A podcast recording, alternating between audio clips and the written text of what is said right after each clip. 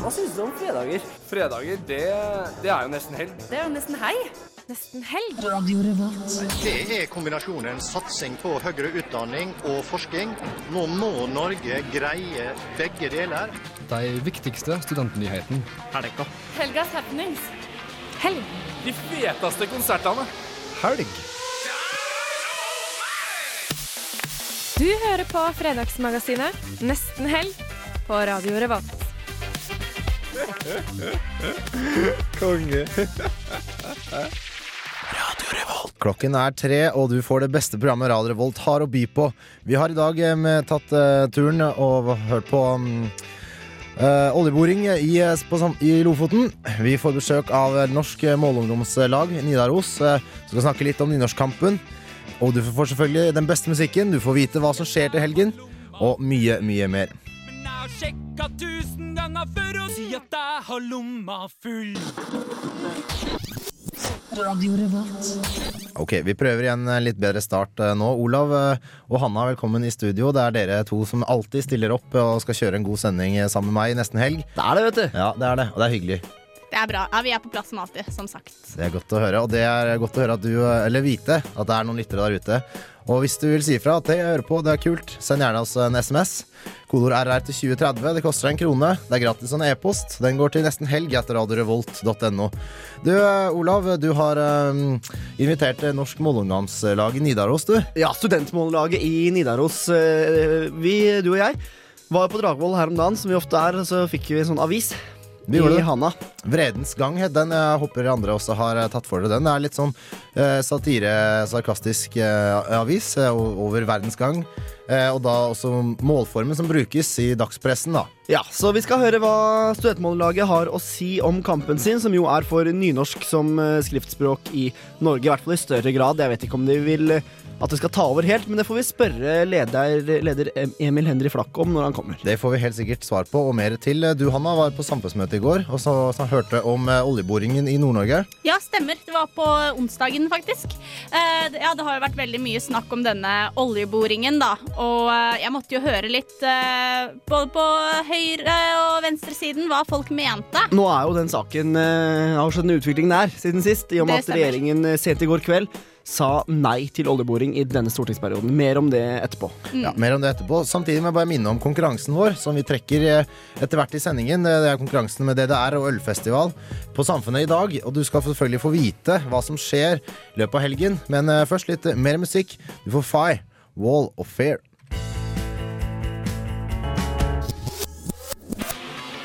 Du hører på nesten helg. on Revolt Radio. Trondheim er mye fetere. Der skjer det ting hele tida. Det er smell fra morgen til kveld. Eh, Jeg koser meg med nesten helg. For å bedrive ordentlig journalistikk, ja, da trenger vi litt hjelp. Det får vi når Under dusken omsider kommer inn døren for å hjelpe oss litt med. å og høre om de beste sakene som har skjedd nå i eh, uka som har gått. Vi skal også ha en, eh, spille av en eh, liten reportasje. Eh, har det noen gang vært og spist disse gode cupcakesene som er i Trondheim? Sjekk det i hvert fall ut. Du får en sak, eh, reportasje laget av Solveig. Nå får du Ulver, February. Ja, godt, eh, god stemning det der, eh, Olav. Um, vi har i dag, eh, norsk til klokken 7.00 på ettermiddagen i Japan, eh, var det et jordskjelv. 20, eh, 140 km ut i havet. 24 km ned eh, var episenteret.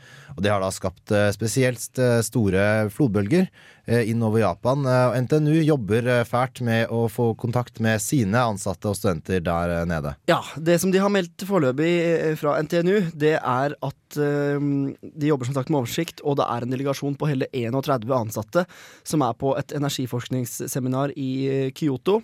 Alt står bra til med disse 31 ansatte. Ellers så er det fire registrerte NTNU-studenter i Japan, hvorav én er hjemme i Norge nå. To av de har meldt fra at de har det bra, og den siste har man foreløpig ikke oppnådd kontakt med. Men det er jo det er ikke bare NTNU-studenter som blir rammet. Det er jo veldig, veldig Det er veldig mye av lokalbefolkningen også. Vet man hvor mange folk som er eh, er tatt? Nei, det er helt umulig å vite på et så tidlig tidspunkt. Det her er jo over nyhetene og blir oppdatert hele tida mens vi står her og snakker nå. Klokka 15-16 fredag 11. mars akkurat nå. Og mm, det siste som jeg så, var at 60 stykker var bekrefta omkomne. Mm. Men det er et tall som helt sikkert kommer til å øke. Og hvor høyt det kan gå, det er det ingen som veit ennå. Og I tillegg til det så er det det skumle her med disse bølgene er at de slår ikke innover ett sted. De vokser og vokser og sprer seg gjerne utover. Og Vi har da sett eh, noen grafer og noen eh, eh, sånne forutsigende forutsigende og hvordan de kommer til å tenkes at når kommer til å treffe, og eventuelt USAs vestkyst eh, skal treffes om eh, sin ti timers tid. Og Hawaii ligger jo selvfølgelig midt i der og blir truffet nå i løpet av fem-seks timer, kanskje.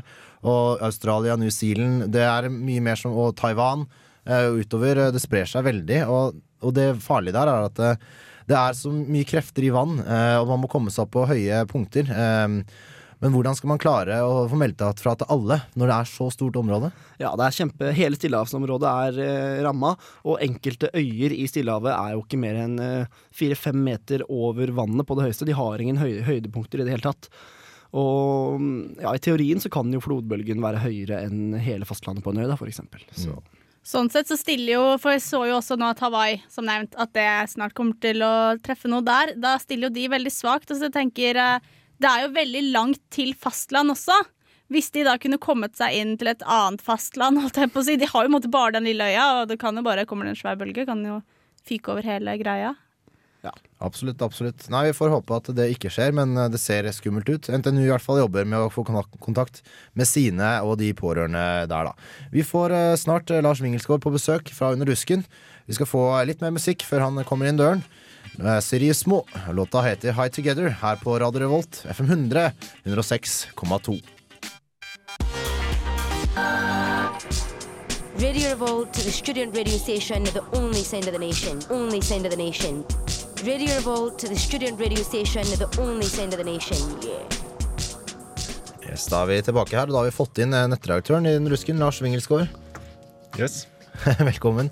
Du har akkurat kommet inn døren og sittet og jobbet eh, flittig, skjønner jeg. På notatblokka di så har du med deg et par saker. Det første vi skal snakke om, er eh, denne saken som har vært eh, litt grann, med tanke på om utenlandske studenter skal måtte betale en avgift eller ikke for å søke til å komme til NTNU. Ja, det er det har blitt et ganske stort problem at det er voldsomt mange studenter nå som, fra hele verden som eh, har lyst til å studere på NTNU. Norge er jo det eneste landet nå etter at Sverige innførte studieavgift for utenlandske studenter.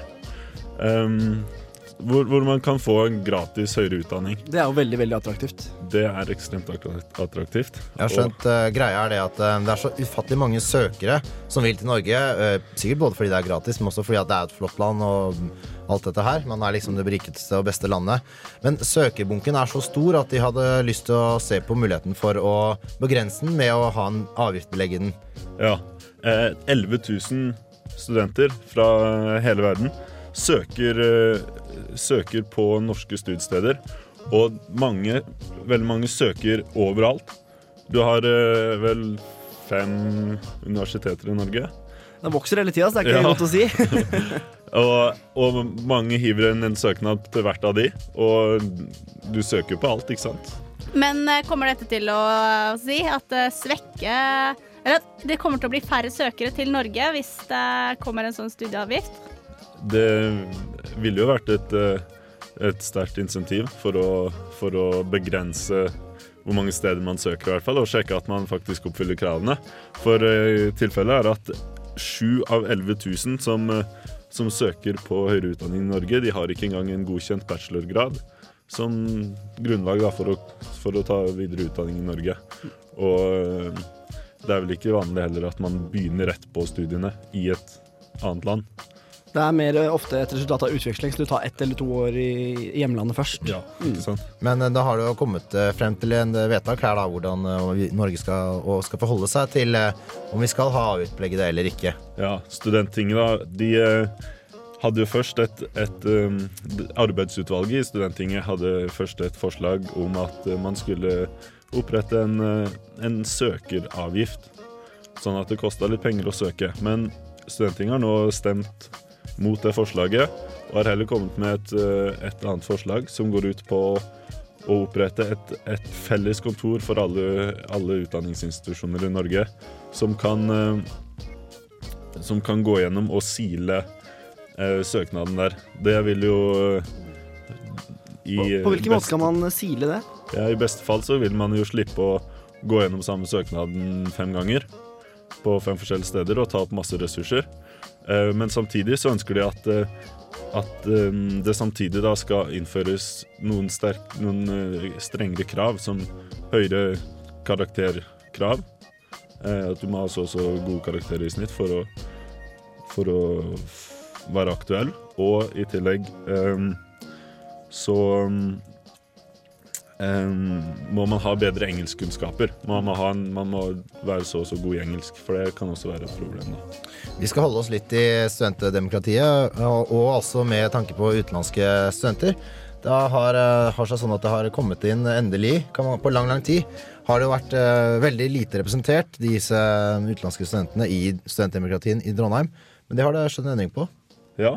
ehm, en eh, student fra Sri Lanka er nå valgt inn som nummer to på velferdstinget. Han ehm, Det her er en som heter Aravinda Perera. Han er 26 år gammel og fra Sri Lanka, som jeg sa. Ehm, og han, eh, han snakker ikke norsk. Han, er, eh, han eh, stilte i konkurranse med, med mange andre som også stilte for å komme inn på velferdstinget. Og um, han smelte, slo virkelig på, på stortromma og ble valgt inn som nummer to. Det går eh, rykter om en helt eh, vanvittig tale som han holdt, som eh, mange sammenligna med Obama sine taler. Han var, Det er ikke småtteri det, altså. Nei, han eh, imponerte vanvittig, ifølge de som var der. Det er jo bare da å gratulere han, og endelig så er de også representert i, i demokratiet, studentdemokratiet. De er, de er jo også en, st- en del av Ikke en st- Jeg vet ikke hvor stor del av de, og studentmassen de er, men jeg syns det er godt at de endelig har fått inn en representant. Du kan jo få lov til å ta med en siste ting og skryte litt av eh, neste utgave av eh, Blekka di, Lars. Ja. Eh, I utgaven av Under rusken som kommer nå på tirsdag, så, eh, så skriver vi om eh, en eh, sak om eh, NTNU som, som på sine nettsider har, har åpna for at det går an å se karakteren til enkeltpersoner. Man kan legge sammen to og to og finne ut hvem er det som har fått en ben, eller hvem er det som har strøket på eksamen. Kan man søke direkte på navn, da, eller er det bare sånn Nei, det er eh, heldigvis ikke så enkelt, men eh, er, i fag hvor det er spesialisert fag, hvor det er eh, mindre enn fem, søkere, mindre enn fem studenter som tar eksamen, f.eks., så kan man da, hvis man f.eks. bare har én gutt i det, av de fem, da, så, så ser man det, og da kan man på en annen side da se hvem er det som tar det faget. Så bare finner man sånn veldig lett ut av hvilken karakter har en person fått. Det er jo ganske alvorlig. Mm. Yes, ja, men eh, Da har du fått eh, lurt inn ennå, så får vi lese litt mer om det på Underdusken, som kommer ut da neste tirsdag. Vi skal få litt mer musikk. Eh, Tusen takk for at du kom innom, Lars. Det var veldig hyggelig. Vi får Reggae B, Forever and a Day. So unbelievable. A day. Vi har da fått besøk av studentmållaget i Nidaros. Vi skal ta en liten prat med han og den nye blekka som de har vært med og gitt ut, Vredens gang. Eh, etter hvert eh, Han kommer nå etter York, Georgia. Hva gjør du for å komme i stemning? Jeg hører på Nesten Helg. På Radio Revolt. Mm.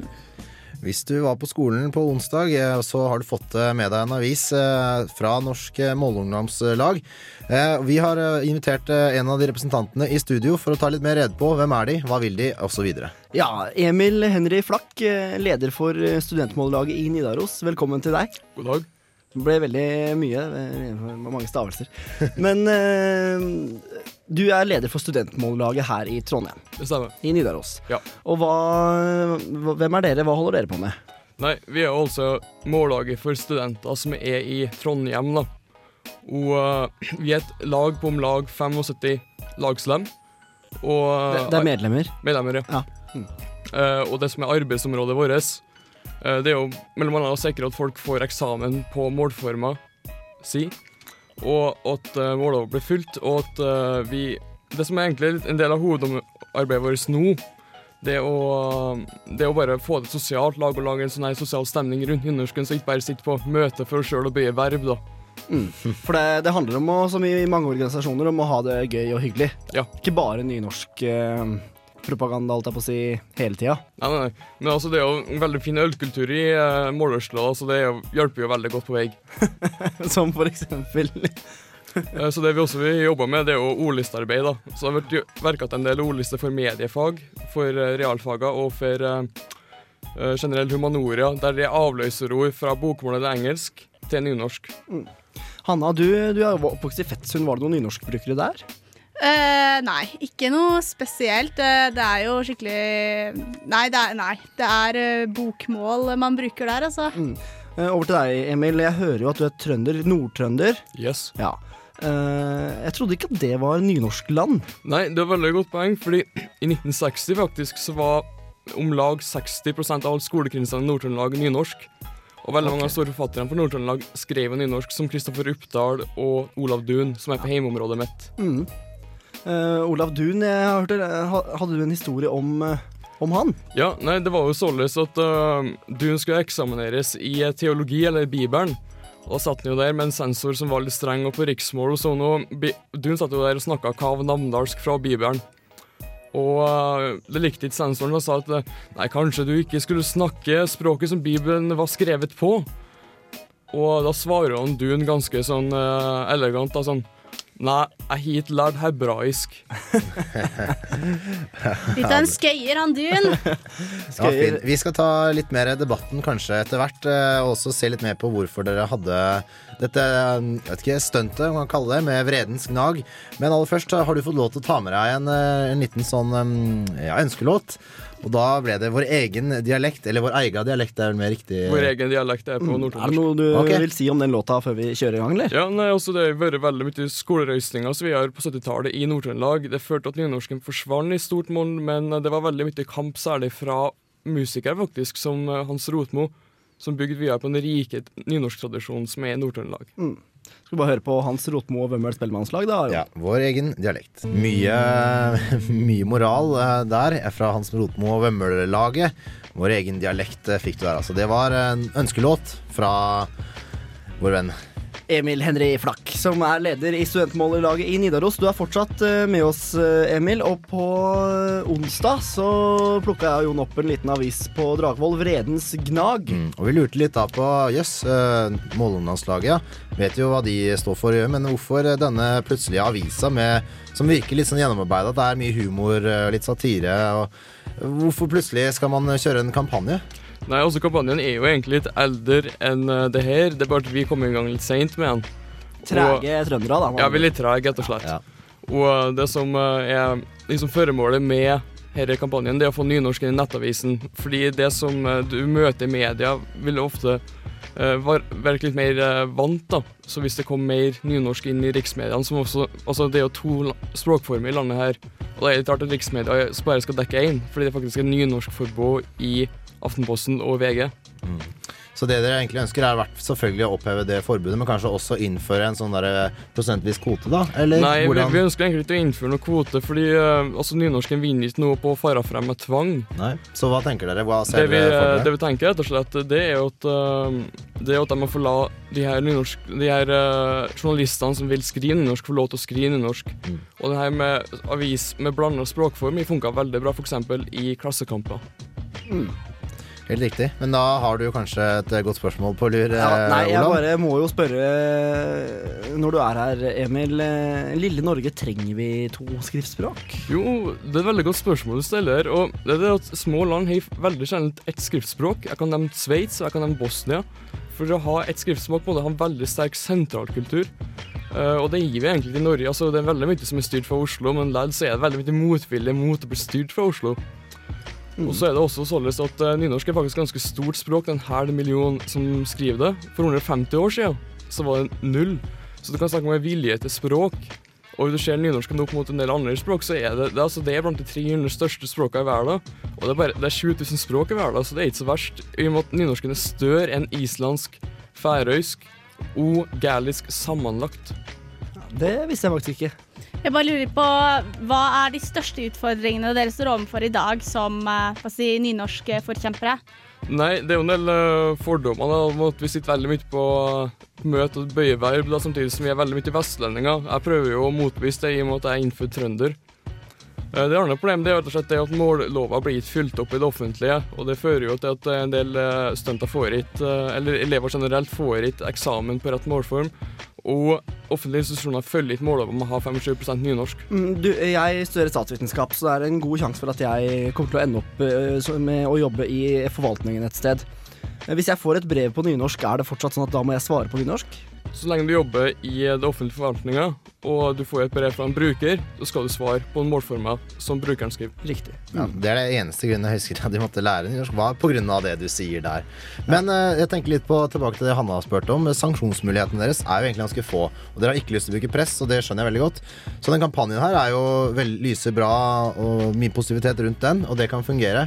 Hvilke andre muligheter ser du, eller måter for å ja, opplyse og for å fremme kampen din? Nei, det er å gjøre nynorsken mer relevant som en kulturimpuls. I Nord-Trøndelag vant nynorsken frem rett og slett fordi det var en veldig sterk landsmålskultur, og det handla veldig mye om identitet, men det handla også veldig mye om å få, om å få uh, ting som folkehøgskolene osv. inn til distriktene, som var det landsmålsmennene gjorde i Trøndelag. Mm, skjønner. Da tror jeg mm, vi skal gå videre, Olav. Da må vi takke Emil. Eh, vi skal få en Black Sabbath-låt. 'Children of the Grave'. Ja, det, da likte han eh, smilte godt, han. Nesten så det kunne vært ønskelåta di, det òg. Eh, ja, men det er ikke bare dumt med nynorsk. Si. Hvorfor sa jeg det? Hæ? Hvorfor sa jeg det? At det ikke bare er dumt med nynorsk. Det er selvfølgelig ikke det, men i forhold til Black Sabbath Jeg skjønte ikke helt uh, linken der. Takk eh, til deg, Emil. Spill låt Olav, og hold kjeft. Vi har en konkurranse gående, vi, hvor du kan vinne tre billetter eh, og ta med en venn eh, til ølfestivalen og DDR på Samfunnet i kveld. Og Olav, du har spørsmålet. Det har jeg, vet du. Det er hva heter god helg på tysk? Er det A. eh, Guten Welt auf Wache, B. Lieber Schnellwurst, eller er det C. Schönes Wochenende? Og hvis du ønsker å vinne, sender du ditt svar, kodeord RR til 2030, eller eh, ditt svar til nesten helg at radiorevolt.no. Du skal få Eighth Note, Never Be Apart.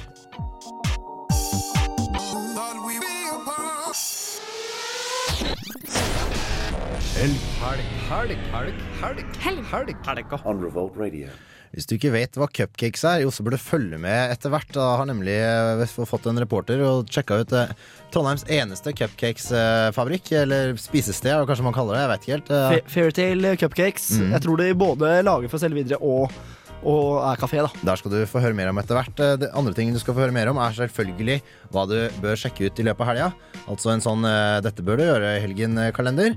Eh, Og Hanna, du har jo vært på samfunnsmøte eh, og hørt om oljeboringen, eventuelle oljeboringen Det stemmer. Sorry. i Nord-Norge. Det har jeg. Så fått hørt litt hva eh, fordeler og ulemper. Mm. Og ikke minst skal vi også få trekke denne fabelaktige konkurransen vår. Eh, Om du kan vinne billetter til ølfestivalen i kveld på Samfunnet, altså. Bak oss hører vi Virus, eh, Chromium Sun, her på Radio Revolt. FM 100 og 106,2. Det var samfunnsmøte på onsdag. Det var snakk om eh, oljeboring i Nord-Norge, hvor både Tekna og, og flere politiske partier var involvert. Men vi skal bare ta med en liten sånn uh, melding fra vår venn uh, fra Målomdangslaget. Ja, jeg fikk en SMS eh, mens han var på vei ut døra her, vet du. At uh, studentmållaget i Nidaros, som just var i studio, de har kaffestugu neste onsdag klokka 18 på Ni Muser, som gjør den kafeen ved siden av domen rett over Elgeseter bro. Alright, da er det notert. Men da over til temaet for innholdet her. Hanna, åssen var det på samfunnsmøtet? Det var veldig eh, informativt, veldig lærerikt og interessant. Eh, de hadde jo fått besøkt, eh, besøk av eh, Finn Aamodt fra Statoil og Lars Halbrekken fra Naturvernforbundet, så det var jo absolutt duket for en heftig debatt. Mm. Nå i morges kunne jo alle naturvernere og alle andre for så vidt eh, våkne opp til nyheten om at regjeringen foreløpig sier nei til oljeboring. Det visste man jo ikke på onsdag da møtet var. Eh, Hvordan føler du at det prega mm, debatten? Var det mange nervøse naturvernere? Jeg tror det var veldig mange som eh, Ja, jeg tror det. Og det virka som om eh, det var eh, mest naturvern Mest folk som ville satse på natur, da, som var oppe på talebenken og det var jo tydelig at det var flest personer som var interessert i at det ikke skulle være oljeboring, som hadde dukket opp. Mm, var det noen der som var for?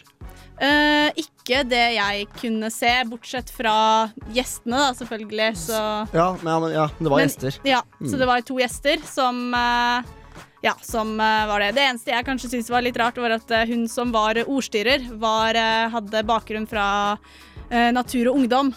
Ikke helt eh, diplomatisk ordstyr. Ikke helt kanskje. diplomatisk. Men selv om naturvernerne nå kan sove godt i Lofoten-saken en liten stund eh, til, siden Jens har eh, overgitt seg til Kristin og Liv Signe i SV og Sp foreløpig, så snakka jo du med noen folk der som også har noe å si om olje mer generelt og Ja, det stemmer. Jeg fikk jo snakket litt med Guri Melby fra Venstre, som da er forkjemper for Eller ja, var forkjemper for at det ikke skulle være oljeboring. Så jeg snakket litt med henne etter debatten, så kan du jo høre på det.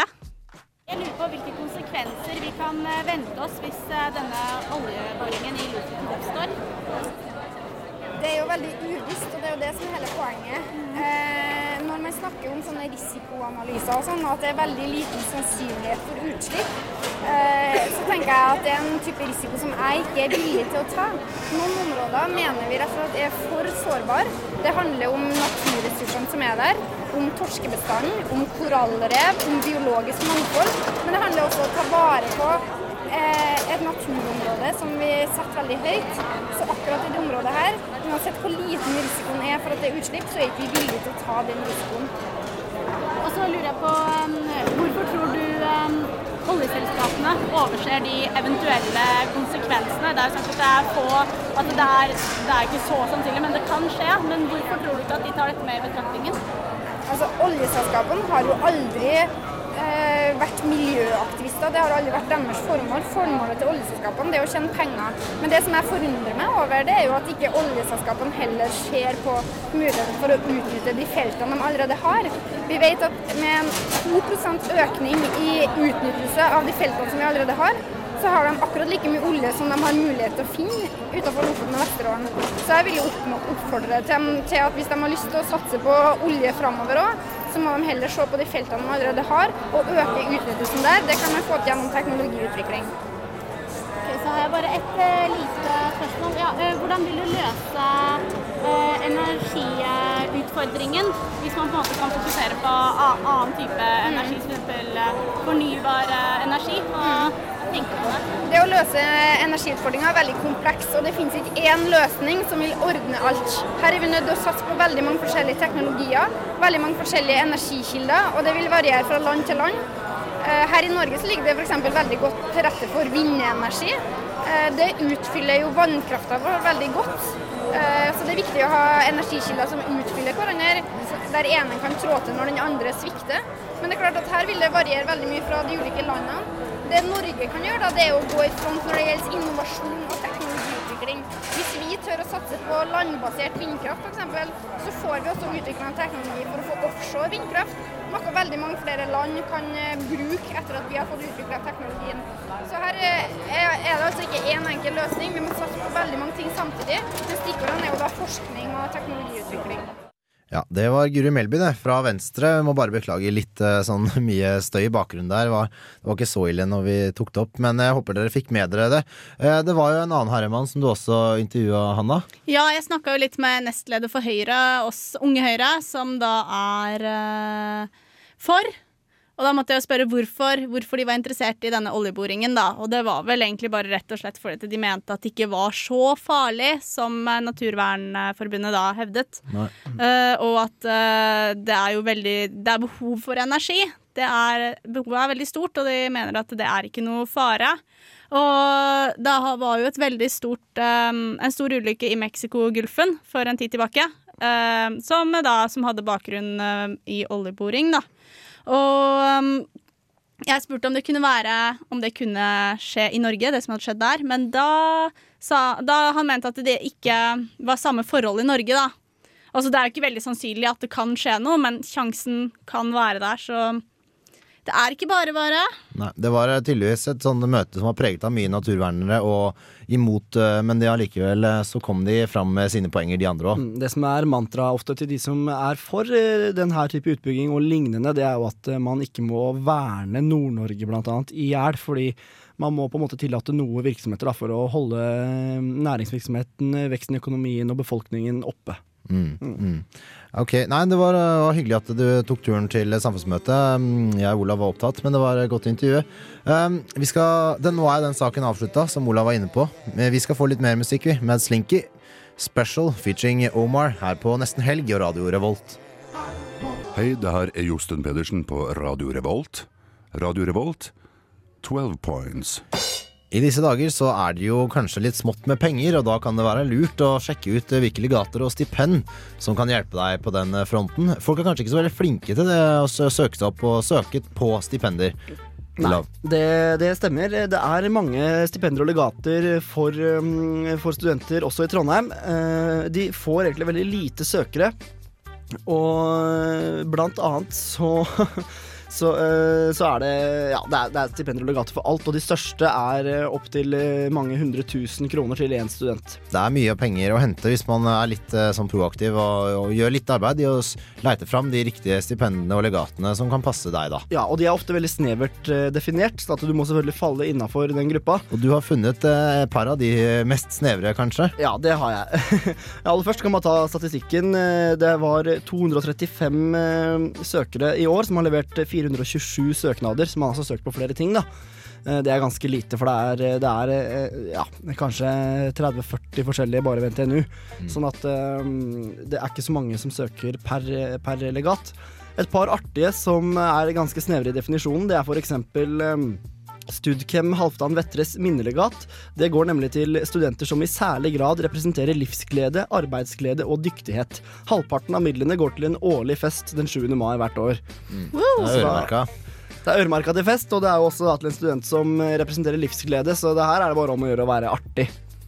Ja. Så kanskje du skal søke på det, Jon? Partyprinsen kan søke på den eh, og få en fest. Ja.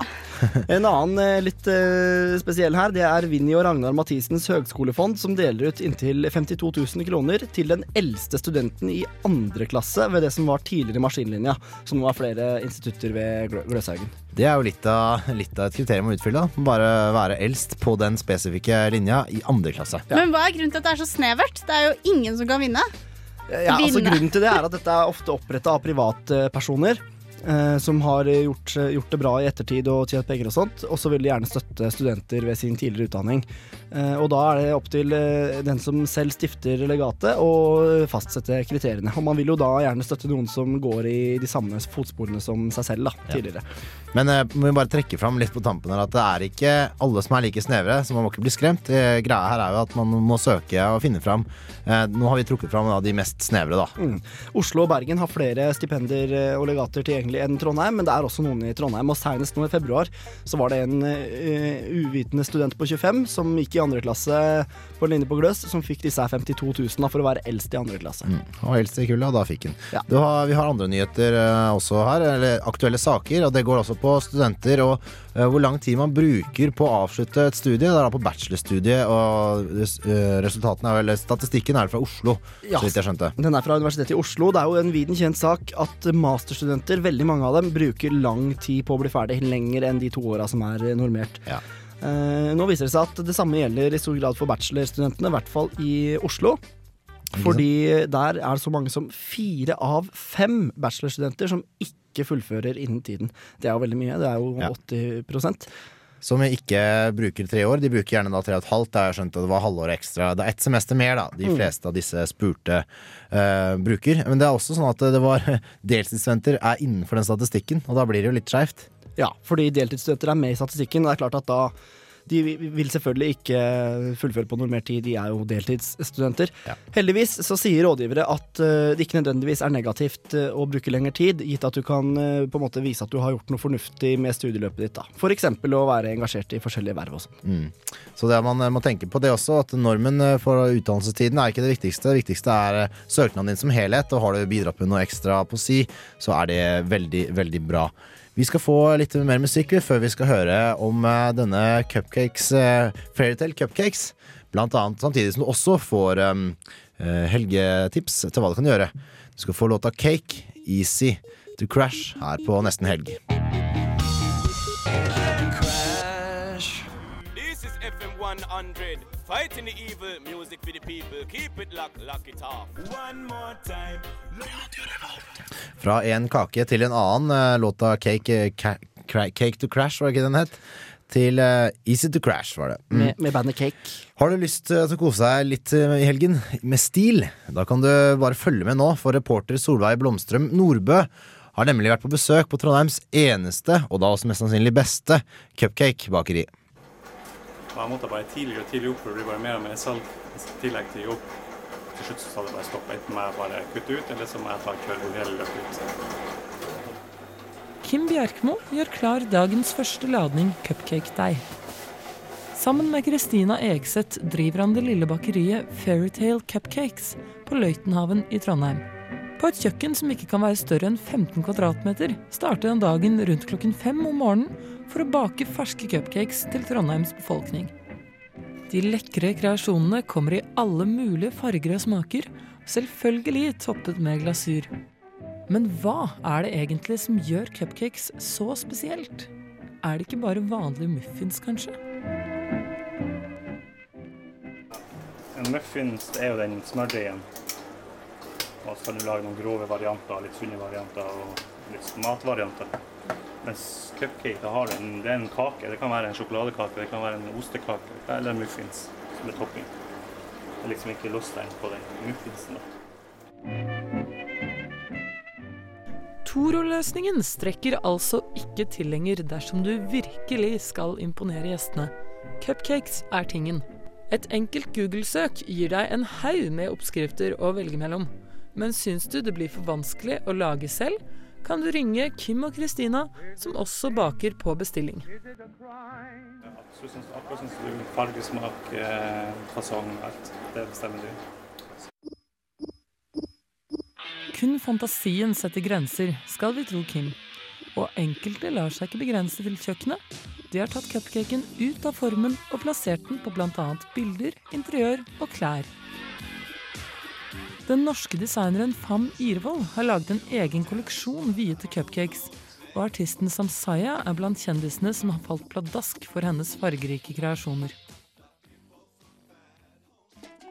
De spiselige cupcakes er en økende trend, og mange mener den ble utløst av en episode av Sex og singelliv for over ti år siden, der Carrie besøker det nå så kjente Magnolia Bakery i New York. Lidenskapen for miniatyrkakene har også spredt seg til vårt eget fedreland, og flere små bakerier har dukket opp de siste årene. Men Fairytale Cupcakes er et av ytterst få norske cupcakebakerier hittil som også opererer som kafé. Jeg tror det første utsalgssted i hele Norge. Bortsett fra I Bergen har de en egen muffins som heter Eat My Muffin. Oslo er ennå ikke noe utsalgssted, bare som private som selger. Det lille bakeriet er i alle fall det eneste av sitt slag i Trondheim, og passer perfekt for deg som vil ha helgekos, hverdagskos eller bare en anledning til å feire deg selv. Her kan du slå deg ned i et vakkert lokale hvor det er sommer hele året, med lyst interiør og sommerfugler på tapeten. Ja, det var Slacht of Bronx med Impler featuring Spoek eh, Mombo. En original remix der. Alright, Vi er kommet til segmentet hvor jeg kan virkelig gi deg noen gode tips til hva du skal ta deg til i helgen. Eh, må bare begynne med at helgen har allerede begynt oppe på Signesaker studenthjem. Eh, begynte da i går med det originale navnet, som er ganske velkjent, Helga. Eh, Det er da en eh, litt sånn parodi på uka, hvor de eh, oppe på studenthjemmet der oppe koser seg og drikker og har liksom kostymepartys og masse greier. Jeg har dere hørt om det forresten, folkens? Det er vel en sånn eldgammel tradisjon på det eldgamle Stingsaker studenthjem, så vidt jeg vet. Og det som er, den går jo utover sine jeg håper å si, breddegrader. Eller hva jeg skal si. Den, de, de feirer ikke bare på studenthjemmet. Jeg har sett de på Dragvoll også, med kostymer og greier. Så Ja. de fester overalt. Så er det noe sånn derre Det er litt konkurranser, og det er mye, mye ymse, så den er der. Jeg veit ikke om du må være invitert han som bor der for å komme, eller åssen det er, men eh, det er i hvert fall foregår, da. Vi hopper til fredagen, vi, som er i dag. Eh, På Brukbar så kan du om eh, halvannen time, altså klokken 18.00, eh, få et seminar, et DJ-seminar med Nils Noah og Whiteshed. Så er du keen på å lære litt om scratching og sånne ting, så stikk ned på Brukbar, eventuelt Sopa. Jeg er ikke helt sikker på hvem av de to. Vi har snakket litt om Uffa tidligere i sendingene våre. og da i dag klokken 19.00 på Verkstedhallen så er det støttekonsert for Uffa-gjengen. da Mm, det er bra. det er bra De er trenger bra. et hus. Trøndelag Teater ruller videre med Alt er relativt. eh, I dag klokken 19 og i morgen 18.30. Eh, Så er jeg på Byscenen, eh, og da tror jeg også de er i samarbeid med PIR-senteret. Eh, Dere har sikkert sett bannerne. Latinfest og salsa-party. Full pakke. Det er foregår da på Byscenen og også på PIR-senteret med liksom dansesalsalæring. Både i dag og i morgen. På Blast spiller uh, uh, eh, Fish. Det er da et sånt band fra Storbritannia. Går på scenen 22.00. Og på Samfunnet, som kjent, eh, og også da i konkurransen vår, DDR med ølfest eh, på hele huset. Men der er det også litt eh, mer band som spiller. Mindy Misty kommer fra Oslo, har tatt turen oppover og skal spille på Knaus. og Seven Stones også skal spille. Jeg husker ikke helt hvor Seven Stones da I, I klubben. Klubben, ja. Right. På lørdag, vi beveger oss uh, kjapt over dit. Uh, da er det på Torvet det skjer på klokken seks. Da kommer det der eh, P4s vinterlyd som vi alle kjenner. Hva får vi høre der? Der er den, det er den lineupen. Det er De Lillos og A1 som har vært i studio her. Eh, og Hans Bolansås, Quick og Sirius. Sirius er jo han rapperen som vant Norske Talenter. Og Det begynner da på Torvet klokken 16.00. Eh, så da tar vi med også det at det skal være markering av 8. mars. Og da tenker du what? En markering 8. mars på en lørdag 12. mars? Ja da, det stemmer. Det er da et samarbeidsprosjekt mellom eh, Vennskapssambandet Norge, Vest-Balkan og Twin, eh, Trondheim Woman International Network. Så da er det bare å sjekke ut det. Um, vi skal også ta, ta med oss det som ser på Samfunnet. Uh, Dunderhonning spiller på knaus til knaustid 23.59. Uh, og selvfølgelig Jon og Olav Nilsen og gjengen spiller opp til uh, skikkelig fest på Storsalen. Det er altså i morgen. Det er i morgen, vet du. Uh, og er du keen på å ta til deg noe uh, på, på lørdagen, nei, søndagen, så er det muligheter. Uh, NTNVI, turn, har nemlig turnkurs i Arn Arnfeldtsalen mellom eh, 14 og 18. Så har ikke helgen tatt knekken på deg, så kan du virkelig prøve deg på turnkurs med NTNUI-turen, da, altså på søndag 14 til 18. Det tror jeg er hardt på den søndagen. All right, da har vi mye å gjøre. Da er det bare å sette i gang, eh, folkens. Du skal få litt eh, mer musikk, eh, kanskje. Ja, Olav, vil du legge til noe? Eh, jo, jeg ville bare legge til det at eh, nå er det snart siste sjanse her i forbindelse med konkurransen vår. Det er selvfølgelig snart siste sjans. Vi skal få, uh, få høre den konkurransen en gang til, tenker jeg, før vi begynner å trekke vinneren nå etter hvert. Uh, Du skal få låt først. Pujol med Black Rabbit her på Nesten Helg, Radio Revolt. Radio Revolt the student radio station, the only sound of the nation. Only sound of the nation. Radio Revolt the student radio station, the only sound of the nation. Yeah. Da har Hanna sagt seg villig til å trekke konkurransen. Da er nemlig den slutt. Det er ikke mulig å delta. Så var du keen på billetter til det DDR og Ølfestivalen med tilhørende konserter på Knaus og klubben, Mindy Misty og Seven Stones. Ja, så er tida ute. Og Hanna, det er din tur. Jo, takk for det, Jon. Nå er det jo sånn at eh, de som vinner, da trekker vi tre vinnere, og hver av de tre kan ha med seg en venn hver. Så det er jo totalt eh, seks, eh, seks billetter vi deler ut i dag. Seks billetten så sammen, tog en. Det stemmer. Das, das stimmt. Ja, det er riktig, Hanna. Ja. Hva, da- hva var det som var riktig ja. uh, av spørsmålet? Aller først, først, hva var spørsmålet? Riktig svar og alt. Det var jo, Vi spurte jo hva er god helg på tysk, for nå er det jo god helg. Og så kunne man velge om det var uh, Guten Weltaufwache, Lieber Schnellwurst eller Schönes Wochenende. Og svaret er selvfølgelig C. Schönes eh, Wochenende. Det stemmer. Og nå skal vi jo eh, Nå har du funnet frem eh, alle som har eh, sendt inn riktig svar. Ja, Så jeg foreslår at jeg scroller opp og ned på e-posten min her på svara. Og så jeg scroller opp og ned nå, liksom. Så sier jeg stopp. Og så sier du stopp. Ja. Bare vente én ting. Eh, E-posten, det- SMS-ene er der òg? SMS-ene, ja. Ja, er, ja, det er godt, så ikke de som har sendt inn SMS, føler seg tilsidesatt her. Nei, de kommer på e-post, de òg. Alt er i samme liksom, innholdet her nå, Ja. og så blir det bare scrolla over. Og da sier jeg stopp.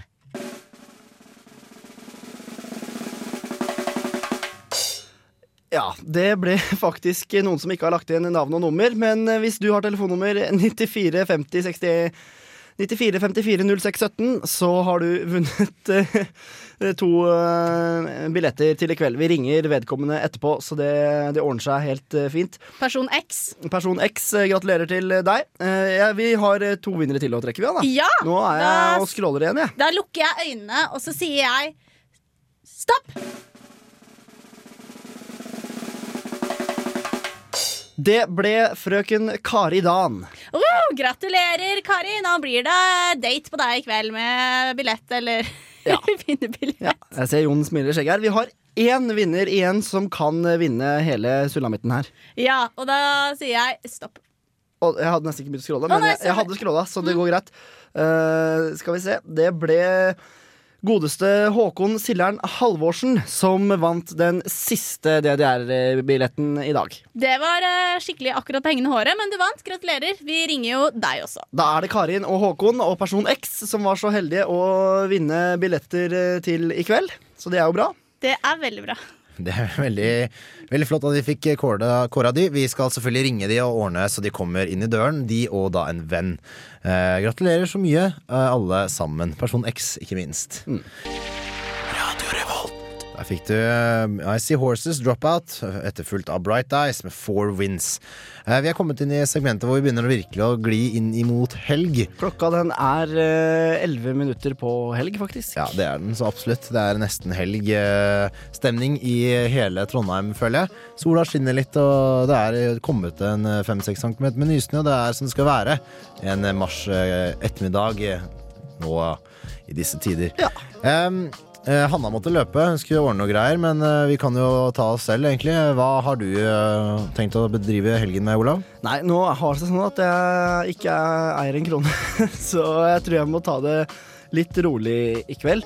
Men skal kose meg for det, da. Jeg har eh, nok til liksom, en lørdagsavis og litt godt eh, å sitte og ta en fin eh, helg. Kanskje jeg burde søke på et sånt legat, så jeg får litt penger. Det kan ja, lurt å sette deg ned og så skrive noe legatgreier. Eventuelt eh, begynn på den bacheloroppgaven din, kanskje. Kanskje jeg burde det. Så blir det skitur, da. Fort. Ja, nå har kommet nysnø, så du skal ikke se bort ifra det, altså. Blir du med, eller? Ja, jeg tar en skitur. Tar en skitur. Det er klart, det. Nei, øh, jeg, har, jeg har mye jeg skal ta meg til, egentlig. Det er faktisk tre bursdager på samme dag. øh, som jeg liksom har blitt invitert til av litt sånn ymse, og, og som, som vi også hørte tidligere i sendinga. Det er mye, mye godt på, på tapetet man kan gjøre, da. Jeg, tror, øh, jeg tror nok det blir DDR, og det blir Jon Olar Nilsen og gjengen og litt ymse. Eh, og så skal jeg nok på Torvet og få med meg Eon. Ja, og De Lillos. Ja. Det blir bra, det. Turnkurs og Turnkurs på søndag, det er for de ekstra oppegående, tror jeg, men eh, absolutt interessant. Det er det, altså. Det er det. Nei, vi får, uh, får bare ønske litt helg, men uh, vi er ikke helt ferdig. Vi skal få litt uh, musikk her på tampen av sendinga. Du får Frisco med Training Day. Um, skal bare nevne det at um, Hanna skal lage cupcakes til oss neste gang. Så vi har liksom, dere er også med på det. Du, Nå er vi snart til veis ende. Hanna har rukket å komme tilbake i studio. Ikke med cupcakes, eh, dessverre, men uh, hei, Hanna. Hei, hei. Jeg rakk det. Ut og løper og, og ordner æren. Du, Vi må bare egentlig avslutte sendinga og oppsummere litt eh, kort. Vi, vi har hatt besøk av Nordusken, selvfølgelig. Han snakket spesielt om eh, studenter og, og innvandring av studenter. Eller utenlandsstudenter, blir det riktig å si. Ja, og søknadsbunken i forbindelse med det. Ja, eh, Og hvordan det skal kontrolleres og styres. Litt sånn i kjølvannet av denne debatten om skolepenger, om de må betale det, og så Mm. videre. Og så eh, gratulerer han ene fra Sri Lanka som ble valgt inn i Velferdstinget. Første på lang, lang tid en, en representant for eh, utenlandsstudentene inn i studentdemokratiet. Vi har også snakket om eh, oljeboringen og den samfunnsmøtet som var på, på onsdag. Ja, det har vi. Jeg var jo uh, ute og snakket litt med folk, så det var interessant. Og så har vi selvfølgelig hatt besøk av eh, unge herre Emil. Emil Henri Flakk, student... uh, Nei, leder i Nidaros studentmållag. Sånn er det det blir. Ja, Snakket litt om nynorske og tok den debatten på fem minutter. vi har hørt eh, litt om Cupcakesfabrikken. Uh, Fairytale Cupcakes. Eh, og derfor skal Hanna lage cupcakes. Det må ikke være kjøpt derfra. Det er også en sånn kriterie, da Å nei, jeg må lage eget. Ja. men jeg lager eget. Og vi har selvfølgelig trukket vinnere i konkurransen vår, og de blir ringt opp nå eh, etterpå, rett etter sending. Gratulerer til de. DDR i kveld. Ja, selvfølgelig. Du har fått vite en del av hva som skal skje. Det er latinfest og alt mulig rart. Du skal få en låt nå, siste ut. Det er av vinaktuelle Motorhead, eh, som kommer med vin, som er i, på Vinmonopolet nå. Bare si tusen takk til Hanna og Olav og meg selv. Og Olav, stø på teknikken. Du får Motorhead, Bomber.